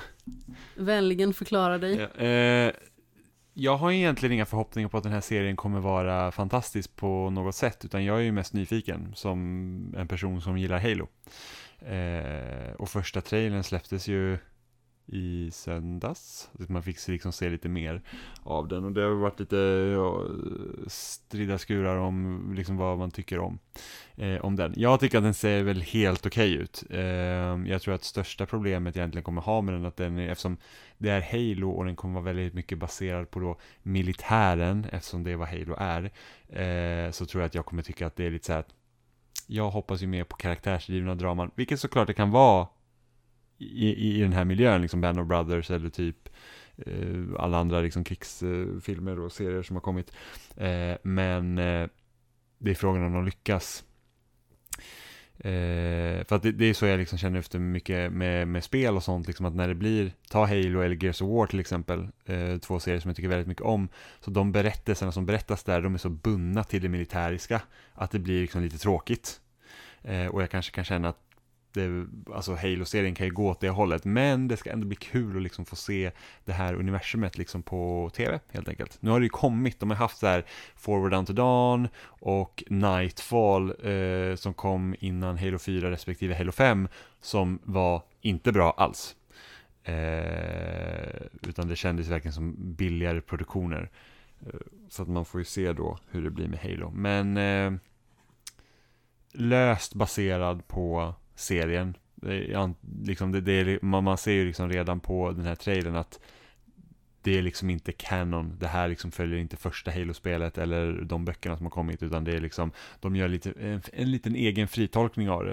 Eh, förutom att Master Chief och Cortana och alla de karaktärerna finns ju med. Så att, men det ska bli kul att se vad de gör av det. Sen får man ju se om det blir eh, pannkaka eller inte. Det kan ju vara lite till sin fördel också att det inte är exakt samma. Ja, så kan det vara, för att så här är det, alltså för att vara ärlig, berättelsen i spelet är ju liksom inte masterclass direkt.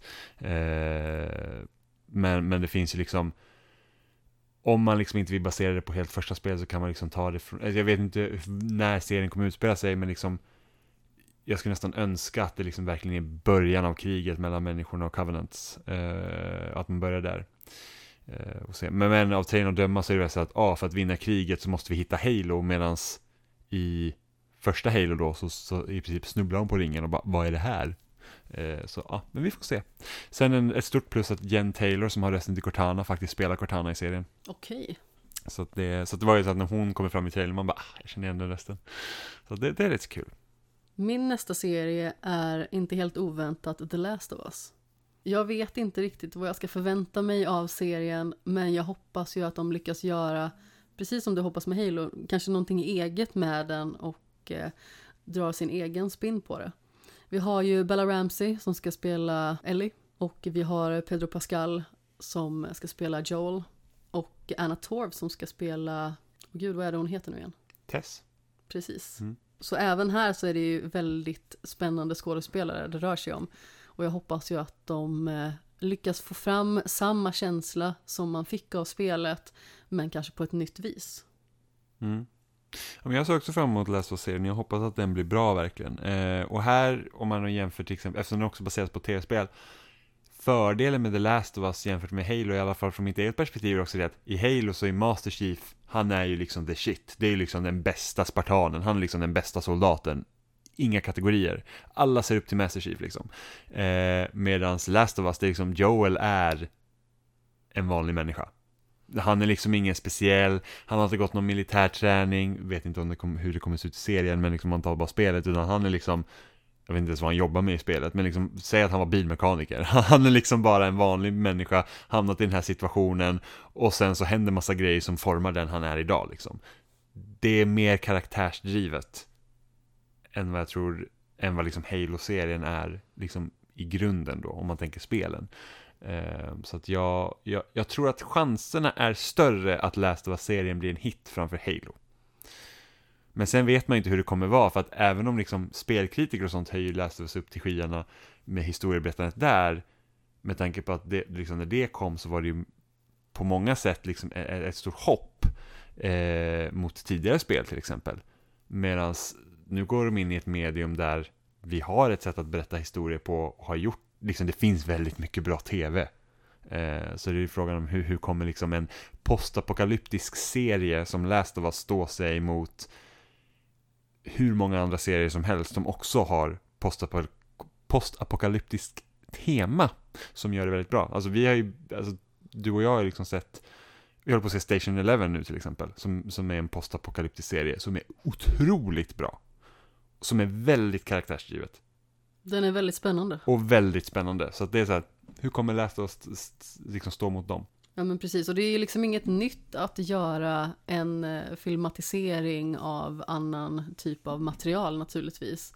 Men skillnaden är ju att Station Eleven är ju baserat på en bok. Mm. Ska man basera någonting på ett spel så får man ju se till att det liksom inte blir att man kopierar det rakt av scen för scen. Nej, nej, och, och det är ju omöjligt med tanke på att mycket, alltså majoriteten av tiden Alltså, The Last of Us-serien kommer ju vara liksom längre än vad det finns cutscene i The Last of Us, förmodligen.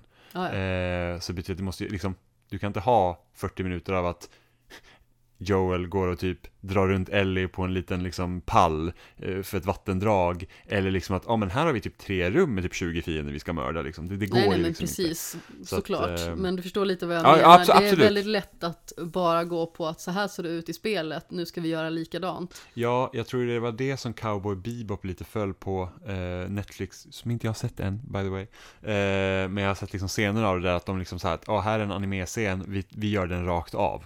Liksom i, i, i, eh, i nytolkningen då. Så att det blir lite, det blir lite konstigt kanske. Eh, men eh, ja, och det beror på liksom så här, vill, de delarna som de kommer behöva bygga ut. Hur kommer det liksom ändra relationen till, till spel, alltså de som gillar spelet liksom. För att det har varit väldigt mycket så här att, oh, så där var det inte i spelet, jag vill ha exakt samma sak istället för att säga att det här liksom är som en nytolkning av materialet från början och att skillnader som finns liksom kan ju vara spännande att se. Ja, och i och med att det är en serie där man liksom inte kan fokusera på skjutande eller dödande av clickers till exempel. Det är ju att man kan gå in mer på det personliga och lära känna karaktärerna ännu bättre. Mm. Ja men precis. Men som sagt, jag hoppas att den eh, kommer att bli en succé. Det kanske är eh, svårt att hoppas lite för mycket, men de har ju i alla fall gjort ett ganska bra upplägg hittills. Mm. Det har varit kul att få se vad Joel gjorde mer, liksom mellan att den här liksom, vad ska jag säga, pandemin hände till liksom att vi får se honom i spelet. Liksom så att han var ju också en skurk. Han, han, de lurar ju också människor och mördade för att liksom få resurser och sånt. Det hade varit kul liksom att hoppa in lite mer på det. Precis, de gjorde ju väldigt många fula saker för att överleva och det är ju sånt som de fortfarande bearbetar egentligen. Ja men precis, eller, eller liksom bara för den liksom att, att hoppa in mer liksom på, på sidokaraktärerna som Bill eller Tess, liksom vad har de gjort? Eller Tommy. Eller Tommy, precis. Men Tommy och Joel var ju tillsammans i alla fall när de gjorde Bad Stuff och sen lämnade ju Tommy på grund av det. Ja men exakt. Och därför hade det kunnat vara ganska intressant att visa lite mer av det.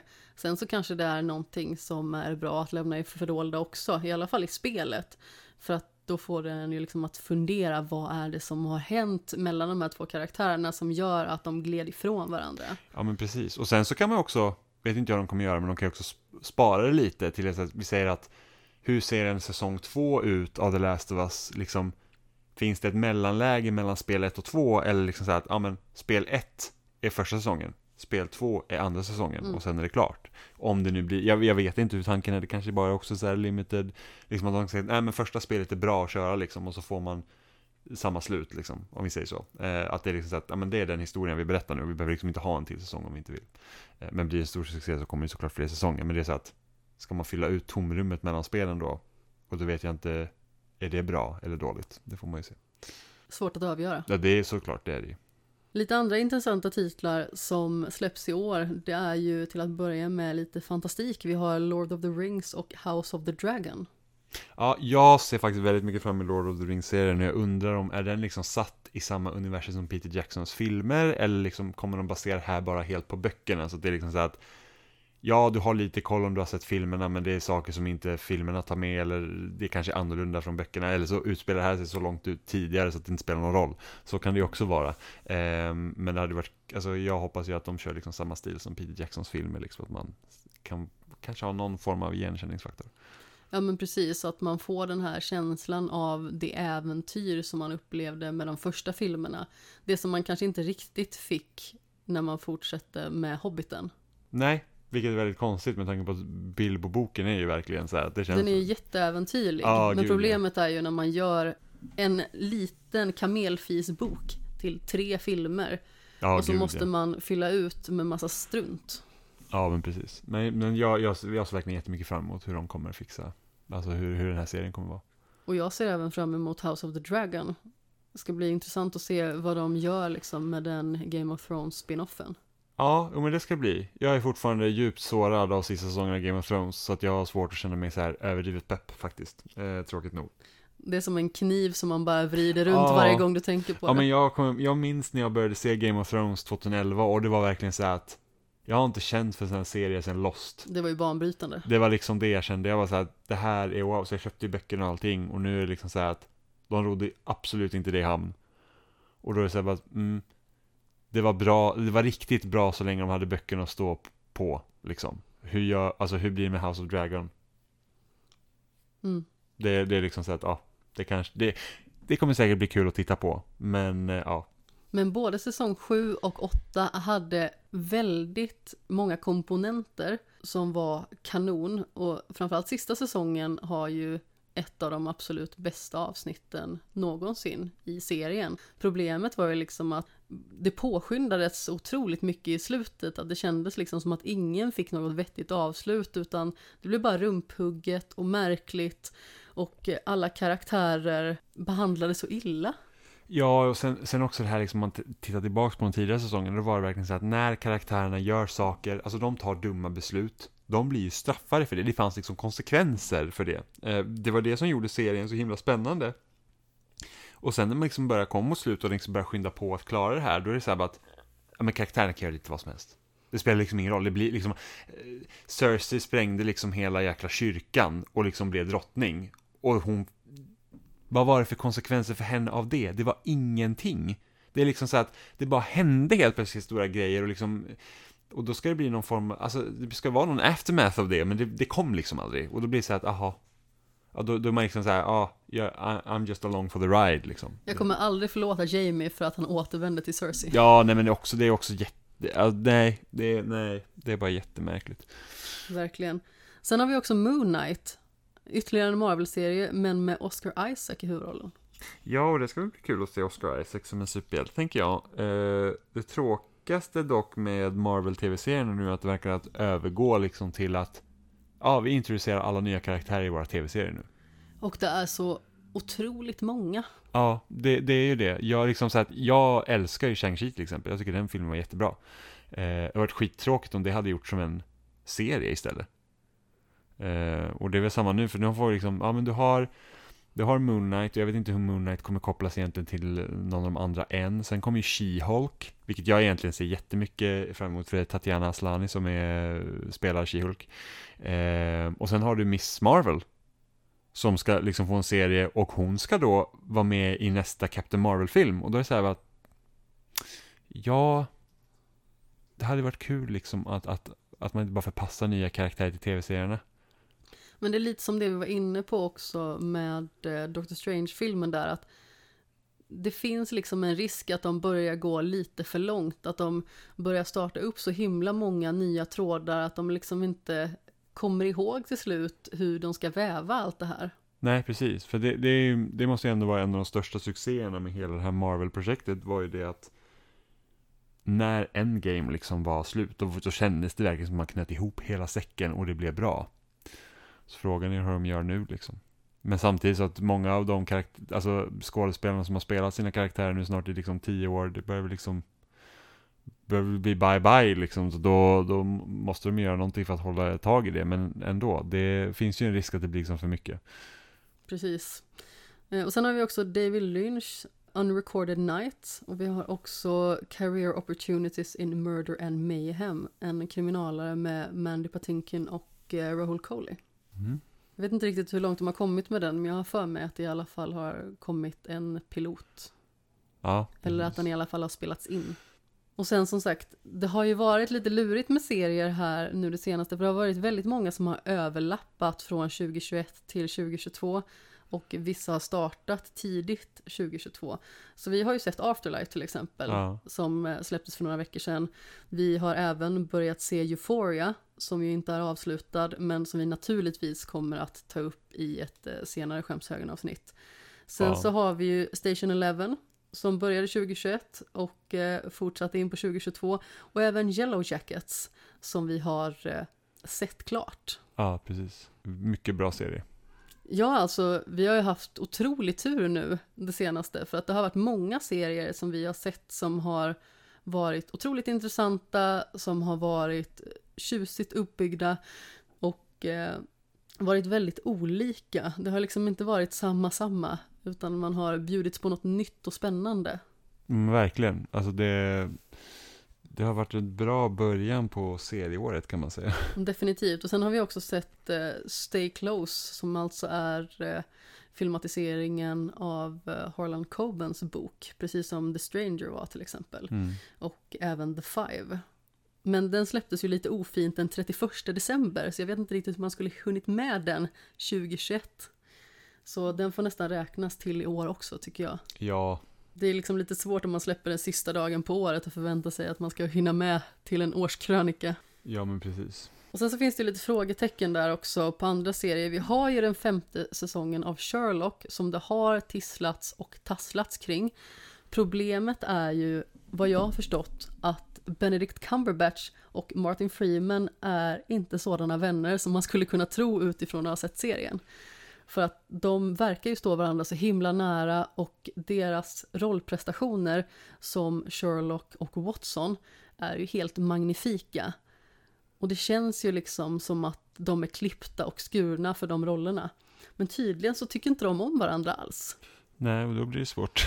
Ja, ja men precis. Och det verkar som att det är en av sakerna som eh, sätter käppar i hjulet för en eventuell femte säsong. Jag hade hoppats att man kanske kunde få en lite mer jordnära säsong, en avslutande. Mm. För att fjärde säsongen var en djup besvikelse. Jag förstår liksom inte riktigt hur de kom på allt det där, men det var inte bra. Nej, Andra säsongen håller jag ju fortfarande högst och både första och tredje är otroligt bra i serieväg. Men eh, fjärde vet jag inte riktigt vad de pysslade med egentligen. Det nästan förstör serien lite för mig. Det är lite Game of Thrones-känslan där. Att man gör sådana misstag som nästan är oförlåtliga. mm. Och sen så är det ju också frågetecken naturligtvis kring Mindhunter som man liksom inte riktigt har hört någonting kring. Som det har funnits förhoppningar i alla fall om att man ska starta upp igen. ja det får man verkligen hoppas. Och om inte 2022 så kanske i alla fall 2023. För det var ju också en väldigt stark serie. Den eh, bearbetade ju kanske inte direkt några nya teman med seriemördare och sådär, men jag gillar ju verkligen att de fokuserade mer på det mentala, att man går in och djupdyker i kriminellas psyken och vad det är som gör de här riktigt otäcka individerna till de personer de är. Mm. Så jag hade hoppats på lite mer FBI på 70-talet är det väl? Mm. Är det någon mer serie som jag har missat känner du som du är sugen på i år? Och jag försöker tänka, men det är så att jag... Jag tror inte det. Jag skulle typ vilja säga så här, åh, The Boys säsong tre, men vi har inte sett säsong två än. Ja, just det. Men det hade varit kul att se The Boys. Och jag kan inte säga att jag är så här superpepp på så här Grey's Anatomy säsong 50. 18 eller någonting sånt där. Alltså jag kommer se det, men det är inte så här att, oh, det där är liksom... Det är inte 2006 längre liksom, när Grey's Anatomy var som bäst. Jag är fortfarande ärrad av det där avsnittet du var fast på i typ en vecka. Ja, ja. Jag fick höra samma konversation fyra kvällar i rad. Ja, du fick höra sista scenen typ i Moonlight har du också fick höra en vecka. Ja, det fick jag faktiskt. Väldigt bra film dock, Ja, Moonlight var men superb. inte sju dagar i rad. Ja, tillräckligt bra för att jag skulle somna till 37 dagars rad. Ja, du är väldigt bra på det där. Jag somnar i princip så fort jag sätter huvudet på kudden så somnar jag. Men jag måste också börja titta på någonting för att annars kan jag ha svårt att somna. Ja, jag har kommit ifrån det där lite grann. Jag kollade ju väldigt mycket på saker när jag bodde själv. Mm. Och sedan så kom jag till en punkt där jag började kolla på väldigt spännande saker och sånt som jag fastnade i. Och då kände jag liksom att risken är att det här håller mig vaken. För att jag är så investerad i det Mm. jag ser. Och eh, nu ska jag inte säga att jag nödvändigtvis sover mycket bättre utan ljud. För jag tror att folk vill gärna ha det till att och man kan inte gå och lägga sig med tv på eller man kan inte gå och lägga sig och lyssna på någonting och somna och det är inte bra för en. Men jag tror faktiskt att det var väldigt nyttigt för mig att gå och lägga mig och inte ha någonting att lyssna på eller ha någonting att kolla på.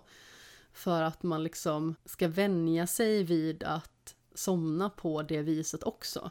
Mm. Just för att jag hade ju jättemycket sömnsvårigheter under flera år. Eh, inte liksom att jag nödvändigtvis hade problem att somna, utan det var ju vissa perioder. Framförallt det här med sömnparalysen som gjorde det svårt för mig att somna på grund av att jag var rädd för att sova. Mm. Men sen också liksom att jag gjorde ju liksom i mitt huvud större grejer av ljud som jag hörde någonstans ifrån när jag inte hade någonting på. Mm.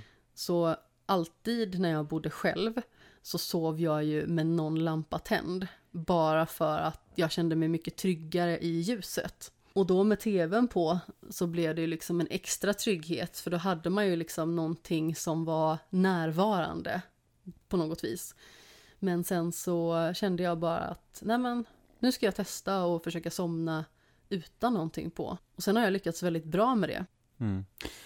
Ja, jag har ju aldrig haft problem med att liksom varva ner för någonting jag har sett, utan jag slocknar ändå. Ja men precis, alltså jag har ju däckat väldigt mycket till filmer och serier i Mm. mina dagar. Jag har ju även lyckats somna samtidigt som jag har spelat. Fast det är ju lite mer av ett misstag. Mm. Det är ju liksom inte att jag har gått och lagt Mm, mig. det, det är så jag känner när jag är trött och spelar. Helt plötsligt börjar gubben rycka till. Eller den rycker inte till, utan jag, so jag typ mikrosomnar och kör typ gubben till vänster och bara såhär, oj. Nu, nu, nu är det svårt. Det var fantastiskt roligt när vi spelade Fall Guys en kväll. Och jag försökte ironisera kring att du eh, trillade ut över kanten när vi spelade den här eh, Hexagon 2-banan. Jag kommer inte riktigt ihåg vad Thin den heter. Ice. Thin Ice, precis. Och då skämtade jag och sa, somnade du eller? Och du bara, ja, det gjorde jag. ja, det gjorde jag. Jag var så här, jag var så här, det här går ju bra. Och sen så helt plötsligt var jag död och bara så här, vad hände? Jag måste ha somnat. Ja, ja, men det gjorde du.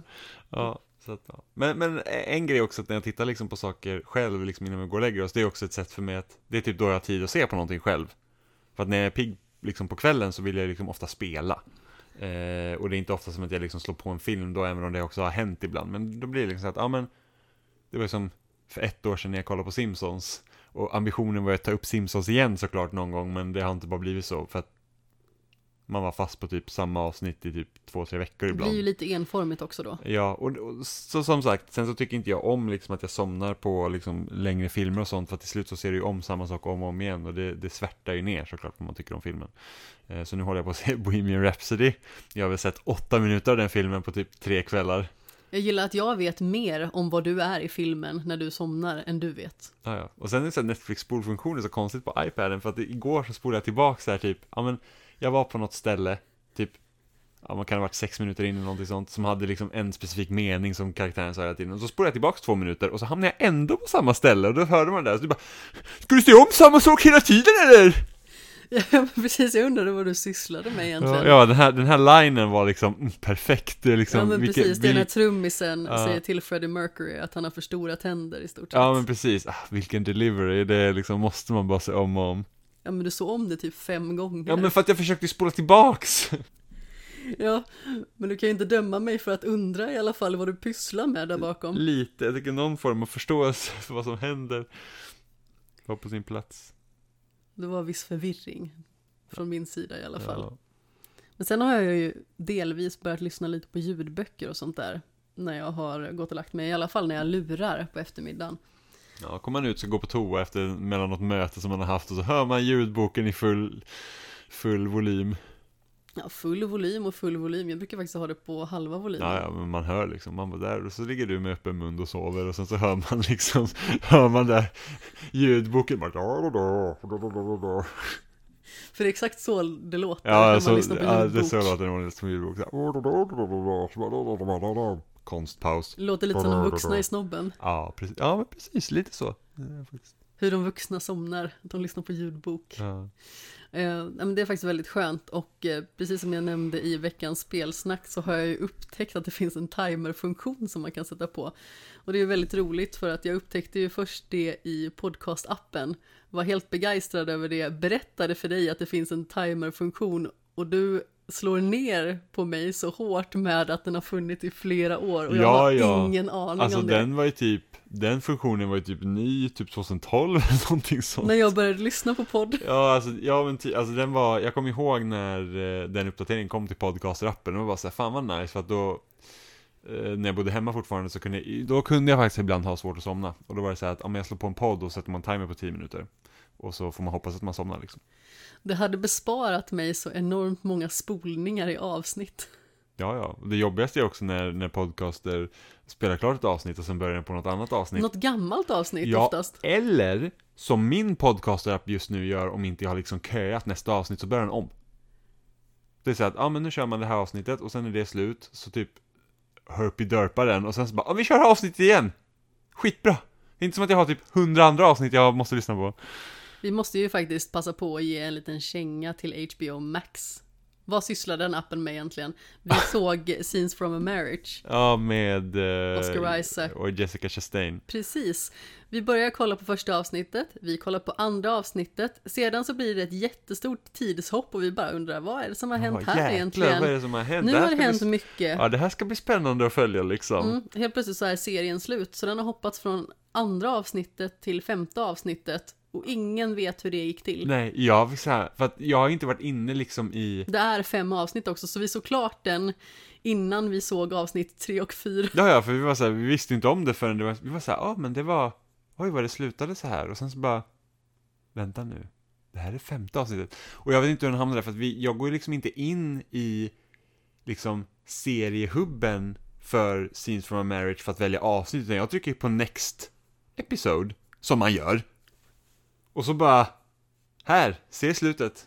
Nu blev det ju ganska spännande ändå, liksom, alltså, det förstörde liksom inte upplevelsen egentligen, utan det, var- då blir det så att, ja vi ser hur typ det slutar, och sen så bara, ah, vad var det som ledde upp till den här upplösningen liksom. Eh, så att, ja, det är väldigt märkligt. Så nu varje gång man slår på ett avsnitt på HBO Max så bara, är det rätt avsnitt? Precis. hade ju varit för- Väldigt ängsligt. Ja, det hade varit förödande nu när vi ser Station Eleven om vi hade liksom helt plötsligt hoppat till sista avsnittet. Ja, det hoppas vi absolut inte ska hända. sen så är det också att Station Eleven är uppbyggd på ett annat sätt än Scenes from Marriage, så att hade vi hamnat på sista avsnittet hade det förmodligen varit så att nej men det här är inte rätt, medan i Scenes from Marriage när de liksom hopp... För att i den serien var det ju så att typ ett avsnitt är i princip en scen. Liksom, du är liksom i princip på samma plats hela avsnittet. Och då blev det så att när vi hoppade då till, eller kom då till säsong 5, eller avsnitt 5 som inte vi visste, var ju så här att, ja men det här känns ju logiskt. Det känns ändå liksom för att så som avsnitt 2 slutade, så var det ju ändå så att, ja men jag kan se att det är här vi är nu. Liksom. Ja, det var mycket förvirrande i alla fall. Om vi ska återgå lite till serie i allmänhet så ser jag på din lilla smyganteckning här att du har skrivit Conversations with Friends. Ja precis, det är ju... ehm, eh, Baserat på Sally Rooneys första Precis, roman. roman. Och hon skrev ju också Normal People som vi såg förra året, för förra året. För förra året. Ja, 2020. Ja, precis. Och den var ju helt fantastiskt bra. Jag har börjat lyssna på boken.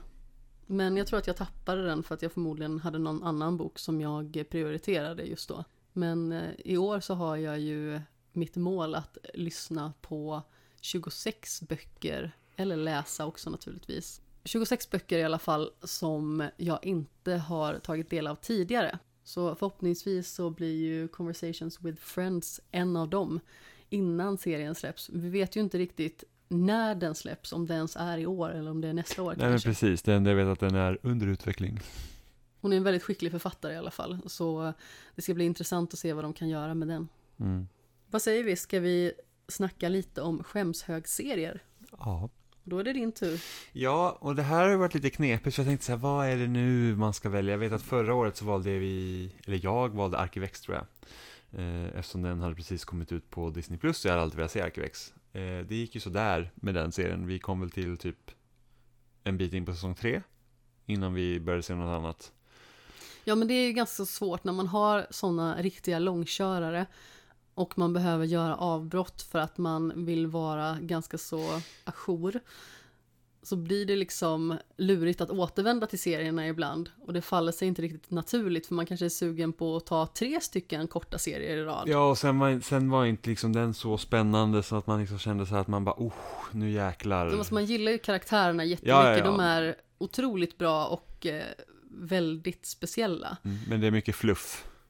Ja, exakt. Och det känns liksom inte alltid sammanhängande och det är väldigt mycket i Arkivex som blir konstigt just för att det känns som att de helt ignorerar viktiga skeenden i serien totalt. Mm. Ja, men det är, det är, väldigt, det är väldigt mycket 90-tals-tv egentligen. Alltså, ja och nej på 90-tals-tv, men den är uppbyggd på ett sätt som serie var liksom väldigt mycket, speciellt innan Lost till exempel. Lost tog den här liksom seriedelen av serie, eh, väldigt mycket den var så att Nej men du kan inte hoppa över två avsnitt och känna att du har koll på allting. Eh, vilket många liksom, och så som Arkivex också det är liksom här, ja, villain of the week liksom. Men sen har du ändå ett överhängande narrativ som kommer in då och då. Och när det väl går på narrativet, alltså det här liksom, det som serien faktiskt handlar om, då är det ju jättespännande. Och sen så kanske du har fem, sex avsnitt i rad där det är så här bara, inget rör sig framåt och här har vi något konstigt typ, liksom, maskmonster som, som kryper i kloakerna. Ja, men alltså det blir ju väldigt mycket Scooby-Doo-uppbyggnad däremellan. Mm, precis. Eh, men eh, det finns ju alltid såklart serier som, som man vill se och jag har egentligen två stycken som jag skulle vilja ta tag i och det ena är It's Always Sunny in Philadelphia. Som vi Eh, pratade lite grann om när Niklas Sinton var här senast. Precis, och den har blivit rekommenderad till mig flera gånger och det är en sån här serie som jag, jag har velat se den, men det har liksom, den har inte funnits på någon streamingtjänst. Nu finns den på Disney Plus tror jag. Antingen det eller HBO Max. Eh, alla säsonger som finns, och det är ju många. Så att det är liksom också så här att det kommer ta tid, även om det är 20 minuters avsnitt tror jag. Och sen så, alla säsonger är inte aslånga heller. Men det hade varit kul att se, eh, tycker jag. Och den andra serien är Batman The Animated Series. Ja, Den hade jag jättegärna velat se hela av. Jag har ju liksom sett, det är såklart, man såg ju ströavsnitt när man var liten, typ var hemma hos mormor och hon hade kanal 5 klockan 17.00. Eh, kom den. Och, och man gillar ju Batman, men det hade varit kul att se hela den i sin helhet liksom. För att eh, ta till exempel Batman Arkham-spelen liksom, även om de baseras på såklart serietidningar så finns det ändå inspiration där från eh, Batman, The Animated Series, så säkert många av självklart. live Samma action- Joker också. Ja, och många så här live action-filmer och sånt har ju också tagit inspiration därifrån. Så det har varit kul liksom att se den i sin helhet. Definitivt, och det ska vi göra tillsammans. Ja. Vad är den här märkliga imitationen du gör av min röst idag? Ja, det är så det blir bara. Jag låter inte så. Ja. Min skämserie är Outlander. Ja. den är, den är, den kan vara tung. Det är exakt därför jag slutade titta på den. Det jag var- tror att jag såg en och en halv säsong ungefär, men sedan blev det bara för mycket. Mm. Första säsongen var otroligt bra, Jättebra. men jag bara kände liksom att det blev för jobbigt att titta på. För att det hände så himla många tunga saker, och de låter ju ändå saker någorlunda ta sin tid där. Men eh, det kändes liksom som att äh, men nu blir det för mycket för mig. Jag orkar faktiskt inte se det här längre. Det är bara misär och ledsamhet. Mm. Och visst, jag gillar ju att se sådana saker. Det är nästan så att både du och jag är snarare sådana att vi vill vältra oss i draman och dess eh, sorgesamma teman och sådär. Men eh, samtidigt känner man bara ibland att det kan bli lite för tungt. Och nu när det liksom är sjätte säsongen som man kommer in på, eller vad det är, Mm. känner man att ska det vara så tungt hela tiden, då måste man kanske ta lite i taget. Mm. Och huvudkaraktärerna där är ju kanon. Ja, verkligen. Alltså, hon som spelar huvudkaraktären, Catriona Balfe, hon är ju, alltså hon är verkligen super, super bra. Ehm, och jag såg ju också första säsongen och sen så tog jag, jag kanske såg två eller tre avsnitt på säsong två. Innan jag liksom kom av. helt enkelt. Eh, och jag har också velat se den liksom. Det, det är en serie som utspelar sig på böcker också. Jag tror fortfarande skrivs böcker i den serien till och med. Jaha. Eh, och man säger, ja, sugen kanske på att läsa böckerna, men det är så många så att det blir ju inte av. Men serien är, alltså det jag såg av serien var super. Jag tror att jag kände lite grann så också. Precis som du så kom jag in en bit i andra säsongen, men tappade den. Jag tror att det som hände i första säsongen, det var liksom svårt för en själv att hantera. Eh, och det kändes som att man hade behövt processa det innan man gick vidare på säsong två. Ja, ja men precis. Jag hade ju dock paus mellan säsong 1 och 2. Eh, Eftersom jag. jag, följde, jag började följa den här serien när den sändes i USA. Så jag, Jag jag såg ju vecka för vecka. Eh, och det var lite jobbigt för att det var, det är en jättehemsk våldtäktsscen i eh, första säsongen. Precis. Och den kom samma vecka som det var den här hemska våldtäktsscenen i eh, Game of Thrones. I säsong 5 eller 6 eller vad det nu var. Och det var verkligen så här. Det här var en jobbig vecka att titta på TV. Hårt liv. Ja, det var det. Men den, den scenen i... Varav den ena serien hade en dåligt gjord scen medan den andra serien inte hade det. Alltså den... Den i Game of Thrones var egentligen totalt onödig. Medan den i eh, Outlander är helt annorlunda. Men det var ju... Den, den, och betydligt mycket jobbigare i Outlander såklart. För det var liksom så här, du hade ett helt timmes avsnitt där det liksom pågick och man var så här... Det här är Men i Outlander tungt. så hade den också ett annat syfte. Ja, ja, precis. Ja, den, liksom, den var inte där för att chocka. Nej men precis, och det som var så himla märkligt i Game of Thrones med den scenen som var där, det var ju liksom att det skulle hela tiden tolkas fram och tillbaka från fansen. Eh, hur det stod till mellan karaktärerna. Ja, för att det, det som händer i Game of Thrones, det händer ju inte i böckerna. Det är en annan karaktär som, som är med om det, och då skrivs det ju liksom inte, alltså det är inte så att man får se det, eller liksom läsa det grafiskt, så man kan ju bara anta att det inte är kul. Ja, det är ju fruktansvärt. Mm. Ja, ja, så är det ju, men liksom det, är- det är inte Sansa som står för det. Men hur som haver, jag tänker väl att eh, vi ska börja runda av. Ja, Vill man skicka in till oss vad man själv ser fram emot eh, det här året som nu eh, faktiskt har kommit ganska så långt. Eh, Jag är fortfarande lite chockad över att det redan är februari. ja det känns helt bisarrt. Tiden går oerhört fort. Berätta gärna vad ni ser fram emot. Filmer, spel eller tv-serier eller alltihop. Bara skicka in och eh, förgyll våran eh, inkorg helt enkelt.